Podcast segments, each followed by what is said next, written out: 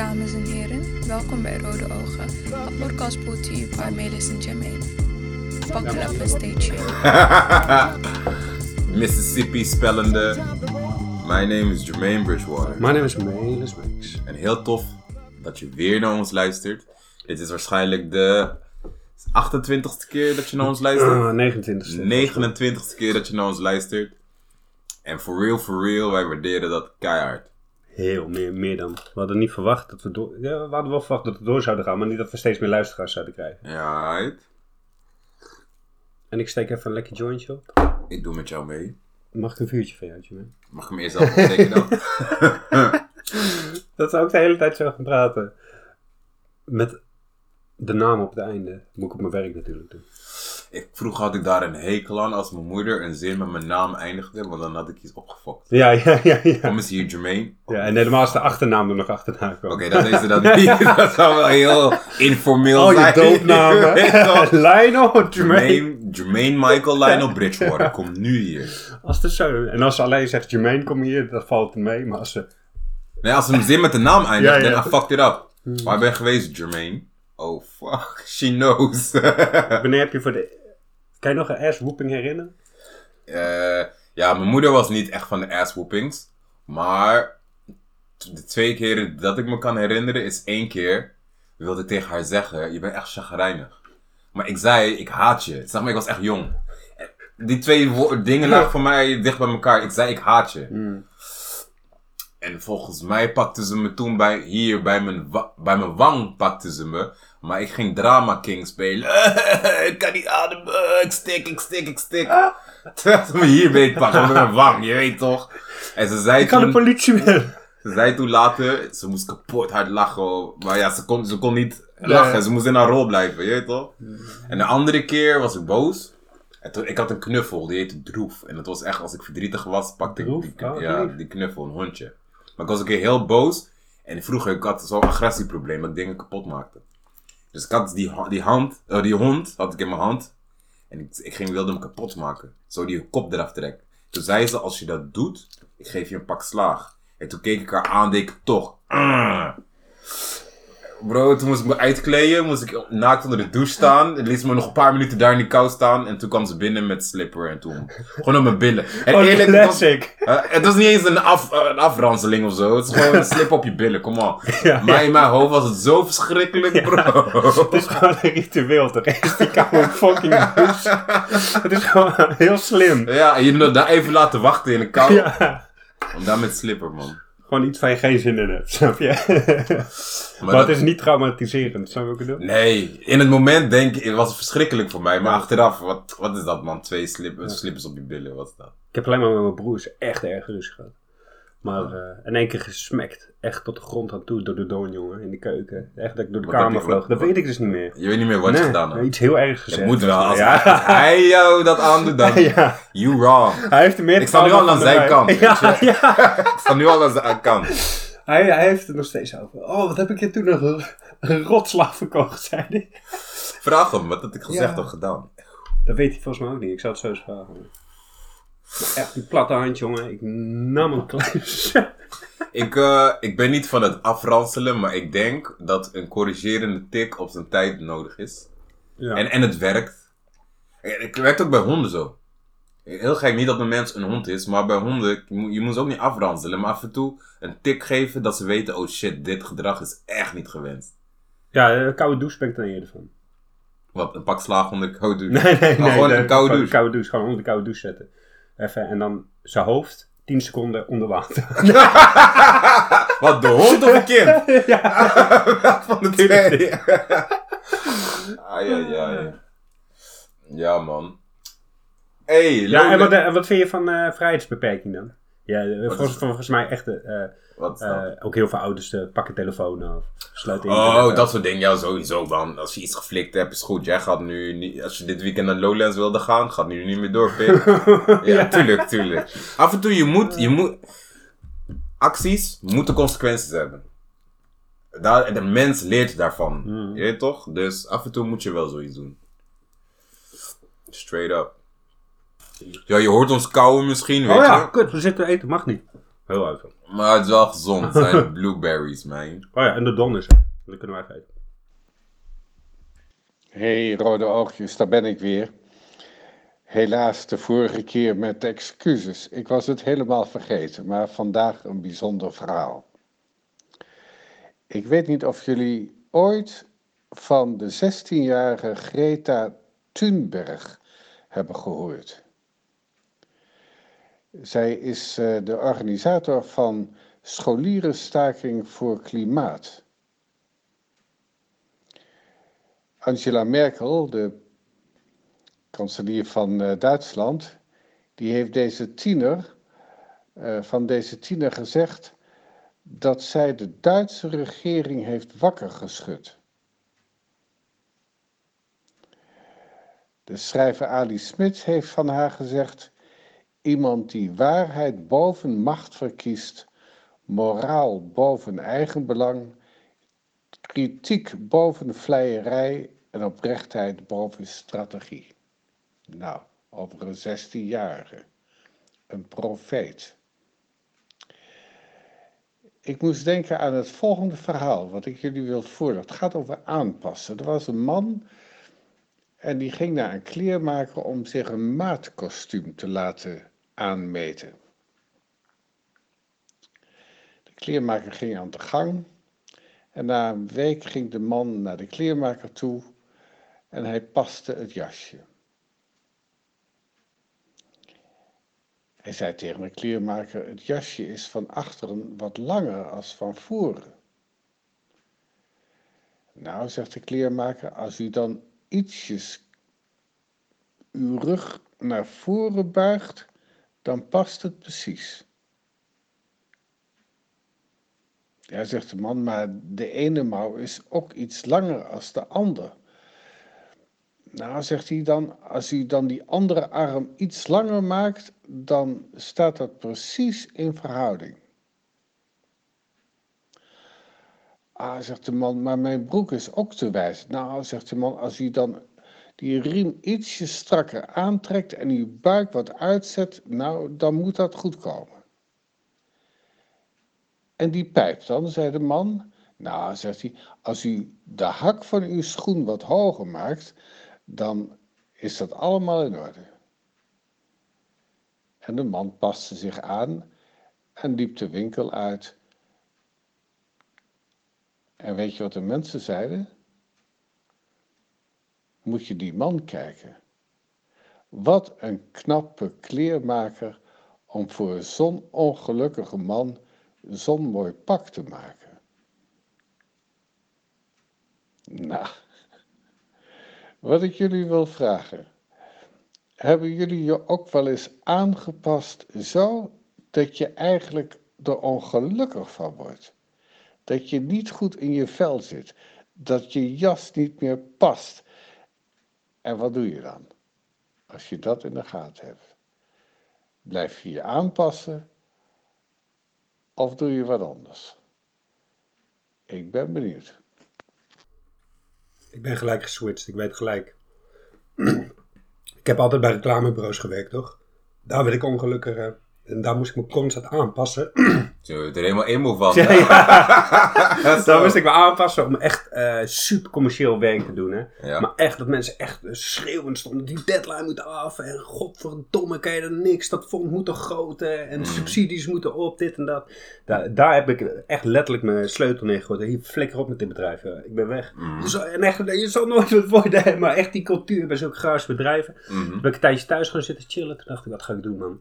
Ik word daar gewoon niet gelukkig van. Toen ben ik weer bij een reclamebureau terecht gaan. Precies hetzelfde gevoel. Weer helemaal para werd ik, hè. Gewoon ongelukkig. Gewoon echt Ja. ongelukkig van dit.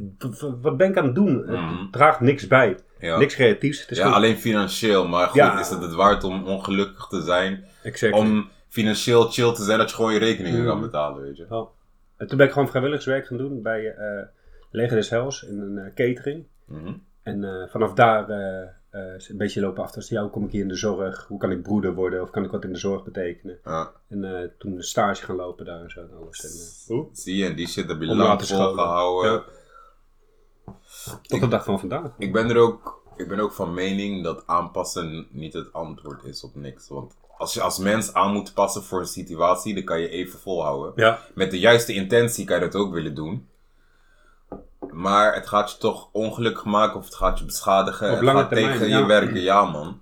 100%. Ook in relaties. Mensen zeggen ook relaties, je moet je aanpassen naar elkaar. Maar dat is nonsens man. Bullshit. En, Want een, een relatie is flex als ik volledig mezelf kan zijn in de extreme versie en de andere persoon Ja. ook. Gewoon zichzelf, zichzelf. En dat matcht. Kijk, tuurlijk, als je met mensen samenwerkt of in een relatie bent, je houdt rekening met. Dat is wat anders dan aanpassen. Maar ik, ik aanpassen, I don't do that shit no more, man. Ik heb dat in relaties gedaan, ik heb dat ook met vriendschappen gedaan. Maar die shit backfires uiteindelijk toch. Uiteindelijk toch. Sowieso, it going backfire. Ik kan, ook me, ik kan ook niet chillen als ik me moet aanpassen ergens. Daarom ga ik ook nooit naar bedrijfsfeestjes, al die shit. Mhm, Ik moet me dan aan gaan passen. Moet niet. Kan ook gewoon, maar daar heb ik het dan geen zin in. Ik merk wel nu, zeg maar, vooral sinds mijn laatste relatie over is, is dat echt gaan spelen in mijn hoofd. Echt dat aanpassen en wat dat inhoudt. En nu ik dat niet doe, bijvoorbeeld ook bij mijn baantjes of zo, ik pas me niet aan. Maar ze vinden me echt apart. Ja. Heel interessant Ja. vinden ze me, maar echt een aparte figuur gewoon. Weet je wel, dat zeggen ze ook. Maar ik vind dat hard. Ja, ja. En voor mij is het aan één kant gek, want ik vind mezelf niet apart. Ik ben gewoon Ja, ik. precies. Je weet toch gewoon easy. Ik voel je zo erg in dit. Heb ik ook, ja. Maar ik vind het- Als een collega op mijn Instagram komt, hè, dan denken deze mensen, deze man, jongen, helemaal netjes lopen te doen. Maar dan vind ik het ook hard van hun dat ze mij gewoon accepteren. Ja, Dat vind ik dan ook props voor hun, weet je. Ja, man. is dat raar. Zo dat wij aanpassen het is zo niet... normaal vinden. Voor anderen, ja. Voor anderen zijn we raar. Ja. Maar dat is het aanpassen is niet, het- dat is niet de oplossing, man. Nee. De intentie erachter is juist, maar it going backfire. En als je dus zo erg moet aanpassen, dan is die situatie of die persoon gewoon, of die, dat kledingstuk, is niet voor jou. Ja, precies. Aanpassen. Kom op, even aanpassen. Kom op, even, even niet jezelf zijn, even gewoon doen. In de vorige, waar bij reclamebureau zeiden ze het ook constant nu je het zegt. Hé, hey, we moeten dit nog even aanpassen. Mhm. Inderdaad, ik was de hele tijd dingen aan het aanpassen. Oh. Vorm volgt de functie, Emiel. Ja, ja. Oké, we gaan de kaartvraag van de week doen. Oké. Hey, thanks Don. Ik heb je gemist, man. Ja man, dat heb je echt gemist. Twee afleveringen. Ben ik of ben jij? Jij. Ja. Pak even een kaartje. Hop. Wat is het grootste verschil tussen mannen en vrouwen? Het grootste verschil, is de zwans en de poenie. dat sowieso lichamelijk, bam. Ik vind hem saai. Mogen we een andere? Dit is te makkelijk voor ons. Maar het is goed, gooi je maar een andere. Of wil je hem uitdiepen? Ja, nee, we gaan blijven erbij. Je kan natuurlijk, het is heel makkelijk. om- Maar qua innerlijk. Kijk, weet je wat ik zeg altijd? Like, ik zeg altijd, Mother Nature is verzorgend. Mother Ja. Nature provides. Met, met, maar zo zijn vrouwen ook, zeg maar, zwart-wit gezien. Hè? Niet alle vrouwen zijn hetzelfde. We know that. Maar gewoon zwart-wit gezien. Hebben hun meer die zorg in hun. Vrouwen hebben die zorg. Die willen de family in de buurt hebben. Het veilig thuis en zo, right? Zwart-wit gezien. Een man... Kijk, kijk. Meisjes als ze jong zijn, hebben ze vaak dat droom. Ik wil de, de guy, het huis, de... Je weet toch, de gezin. Ja. Ik heb thuis nooit en gehad. zo. Maar voor een guy is het niet zijn hoogste visie om thuis te zitten. Zeg maar, hij wil het Ja. gezin hebben, thuis. Maar buiten wil hij zijn shit fixen Ja. kankeren, dingen opzetten, whatever. Vaak bij vrouwen is het hoogste eh, wa- wat ze willen in het gezin. Je weet toch? Ja. Being a good mom. Raising Ja, the children. man. Ik denk dat dat wees, eh, zeg maar ook een, groot verschil is. Ja. Dat het ook bijna genetisch gewoon is. Ja. Maar ik denk dat het ook designed is dat die fundering dan ook het beste werkt. En natuurlijk, het kan ook andersom. Je hebt ook gewoon koppels waarin de man thuis is en voor de kids Ja. zorgt en dat de vrouw carrière vrouw is. Dus alle variaties zijn mogelijk, maar we hebben het gewoon over, zeg maar, Een beetje stereotype. ja. Ik denk dat dat het is. Het grootste verschil tussen mannen en vrouwen. Ja, dat denk ik ook wel. En eh, ja, uiterlijke kenmerken hoeven we het niet eens over te hebben. Daarvoor moet je biologieles volgen. Wat was jouw beste vak op de middelbare school? Tekenen. Ah, ja, Ik was de- alleen maar goed te tekenen. De, Shout out Fresco. De rest was ik echt slecht. Hè. Wiskunde, ik Ja. vulde die shit niet eens in. En dan fuck deze shit. ik keek ernaar en ik denk gewoon zo, rits, rits, is gewoon streepjes zetten, fuck it. En op het einde, ik snap het niet. Mhm. Inleveren. Oké, los van tekenen, was er een andere vak. Die wel oké vond dan. Maatschappijleer. was ik ook goed in. ik lulde altijd van hoe het- Maar ook vooral gewoon ook over van... eh, ja, en het bankensysteem deugt niet. En de lichaams... Mm. Muziek ook al. Nee, muziek vond ik saai. Heel Ja. ironisch. Ik vond muziek, Ja, de vond ik leuk wel. Ik vond die muziekdocent niet leuk. En ik vond die instrumenten, die xylofoon en zo, vond ik Ja, geen fuck zie- schelen, man. Zielen en die houten blokjes. Nu vind ik het hard, Ja. maar toen kon het me geen fuck schelen. Ik zat in Tupac en Biggie. Je Ja. Wu-Tang. What the Ja. fuck is deze xylofoon? Weet je, wat ga, wat ga je me vertellen? Techniek. Was ik op zich ook wel goed in. Mm, ik was al slecht in, man. Ja, ik was ook. Ik ben heel onhandig met mijn handen. Helemaal Alleen niet op checks. Helemaal- Dat is wel Ja. raar, man. Even, even. ik besef dit nu. Ik ben echt onhandig met dingen in elkaar zetten, timmeren, prielwerk. Welke handeling doe jij graag? Bij een vrouw. Bij een vrouw. Ja. I love to lick her, man. Pusje mijn, likken is wel goed. dat is mijn favoriete handeling. Ik ben tijd ook helemaal gefascineerd op de tepels, jongen. Ja, ik heb nu ook een... I was never really for tits, maar nu... Nu ben ik echt op de tits. man. Ik blijf een ass, dat is het Ja, belangrijkste ja, voor mij. Je weet toch, een nice booty, Ja. dat is... Mm. Maar de laatste periode... Nee, door de laatste persoon eigenlijk ben ik op de tits. Hm. Grappig hoe een persoon je eh, soms totale andere kant Ja, kan laten zien. Ja, en hoe bro? Hmm. En hoe? Ik kijk nu een serie. The Naked. The Naked Cameraman heet die volgens mij. Maar als je op The Naked zoekt op Netflix ga je hem vinden. Ja. En dat gaat over het begin van eh, de erotische industrie in Japan. En dat alles moet gecensureerd zijn en zo, toch? Ja. Ja, heel bizar. En dit gaat, is een waar gebeurd verhaal over een gast die eh, het zo zat was. En eh, ehm, zijn vrouw ging vreemd op hem. Ja. En toen kwam hij zijn vrouw later tegen in een underground soort pornonetwerk. Waar gasten stiekem dus porno kochten. Want in Amerika kon het al allemaal. Maar daar was het super verboden. Mhm. Dus eh, werd het onder de toonbank verkocht. En had je echt piepkamer, eh, gluurkamertjes waar je kon gluren. En op een gegeven moment eh, zag hij dat zijn vrouw daar bezig was. Is hij helemaal gebroken. Toen werd hij zo seksueel geknipt dat hij zelf eh, de porno-industrie is gaan opzetten. Maar echt van die hele bizarre, rare shit. En hij is gewoon, hoe noem je dat? Expliciet. Je ziet echt alles in die serie. Hè? Dat ik echt dacht, wow, damn, Netflix. Maar nog qua naaktheid en zo. Qua naaktheid en eh, Mm. gewoon de hele opkomst van, van die. En hoe die cultuur zo gek is geworden. Ze zijn zo netjes, maar achter de schermen Ja. zo freaky. Ook films, los van porno, ook in films Ja. en zo. En Ja. die shit die ze bedenken, jongen. Hey. Echt bizar, ja. Dus een vette serie. Mooi gefilmd ook. Dus eh, Mm. check het. Het is geen anime, het is gewoon echt. eh, echt, echt geacteerd. Het is echt te werk. Het echte werk. Ja, dat snapte ik niet. Dat die, die, die, inderdaad, die shit is gecensureerd. Ja, Maar je, je ziet wel de vorm. ja. Van. En je ziet dat ze neukt, je ziet alles. de, borsten mogen.